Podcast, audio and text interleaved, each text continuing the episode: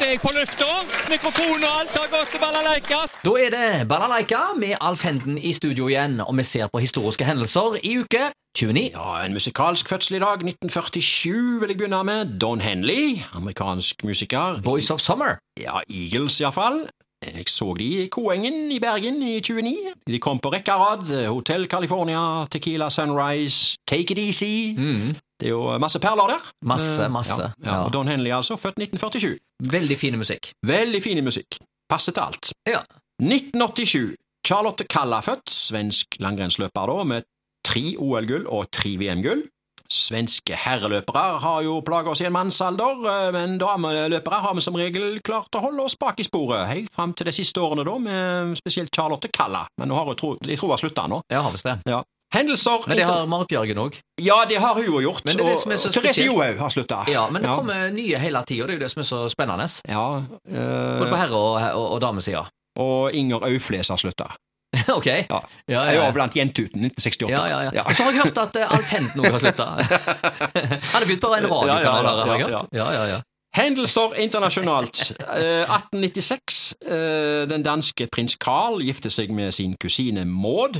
Eh, lykkelig viten om at de i 1905 skulle bli valgt til konge og dronning i Norge. Altså Håkon, eh, kong Håkon den 20. og dronning Maud. 1933. Wiley Post blir førstemann til å fly alene jorda rundt.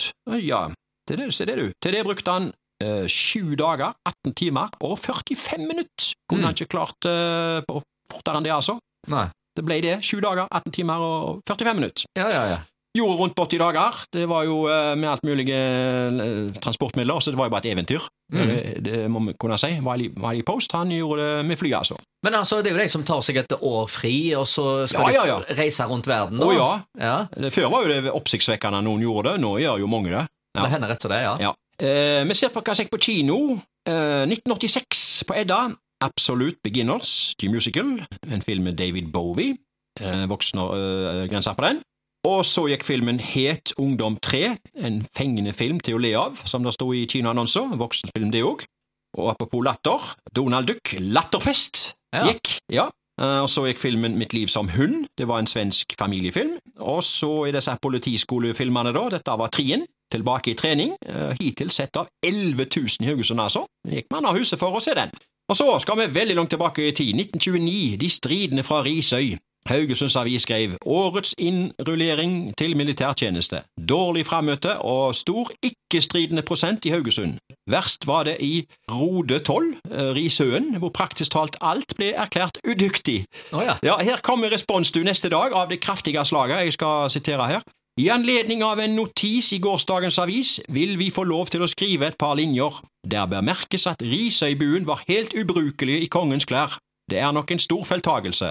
Fordi om vi her borte er nokså uvøren med våre lemmer, og om vi har en stiv finger eller en knust tå, så skal vi være like brukbare som fastlandets beboere når det virkelig gjelder. Men å reise inn på Horten og more oss i seks måneder, det er vi like glad om, så sant vi kan unngå det. Det overlater vi til de bedrestilte som har anledning til å ta seg en lang ferie. Men hvis vedkommende som skrev i avisen i går tror vi er ubrukelige, så kan han jo få en flokk av de spreke fastlandskarene med seg og tar en tur bort på øya en mørk kveld, så skal vi garantere for at vi skal se ut som svenske flagg når de blir båret tilbake igjen. Hilsen kasserte risøybuer. Oh, ja. Ja, dette var jo en dårlig skjult eh, at de skulle true med bank her, da. Ja, ja. Men det har alltid vært kreativitet blant folk altså, til å unngå militæret. Ja, ja, så dette de- var jo en ja, ja. originale vri, dette. Ja, Men eh, så seinere i livet så vet jeg, noen kan vel kanskje angre på det. Ja, det fordi jeg nok. vet i hvert fall det er en del arbeidsgivere som uh, gjerne ser da på CV-en din, og hvis ikke du har vært i militæret, så kan det være at uh, de føler at ikke du er så ansvarsbevisst. det, det det kan være. Det ja. kan være, ja. Vi går til 1969, og da er vi på Agurknut her, uh, egentlig. Du, Vi ser på 1969 her, sommeridyll i Kvalsvik. Eh, jeg kaller det Agurknut, jeg da. Haugesunds Dagblad på forsida hadde det.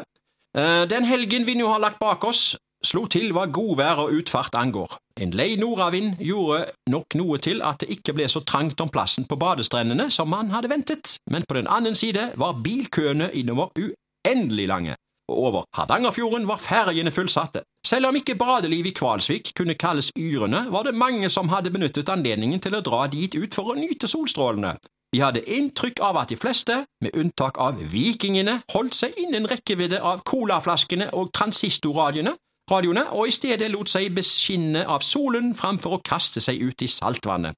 Mannlige, brunstekte himen med hår på brøstet lot seg beundre bikini-iførte frøkenfrø som nøt iskrem og den aller siste Rolling Stones-platen samtidig. Oh, ja. ja, det var mye om ingenting, men det var jo sånt de gjorde i gamle dager, egentlig gjør ennå. De drar ut på badestrender og den type ting for å sjekke litt livet når de eh, ikke har noe annet å gjøre på i redaksjonene. Så, Ja, så uh, det var jo for så vidt et godt valg, da, å heller ligge på stranden og høre på Rolling Stones på Ja. transistorradio framfor å bade. Det var jo ikke noe eh, ja, ja. dårlig eh, alternativ, det. Nei, nei, og spesielt når temperaturene kanskje var 14 grader i vannet. Ja.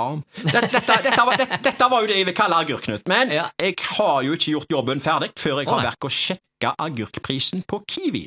Ja, Å nei, nei, hva er prisene denne uka? Der er altså prisen kroner 19,80. Ja. Ehm, så agurkkrigen her, den, eh, den tar til, altså. Ja, det, ja, det, ja. det er litt variasjoner her, og det er litt penger å spare. For, eh, men det er fortsatt billigst i Halsgata? Utvilsomt, altså. Så uh, det, det er den uh, Mixi-food, er det vel han heter? Ja, på Importfood. Ja, ja, den, den, den er billigst, altså. Den kan altså. anbefale det. Ja, den- eller, øh, Anbefaler, kan skjønne det. Er det forresten forskjell på agurkene i smak? Nei.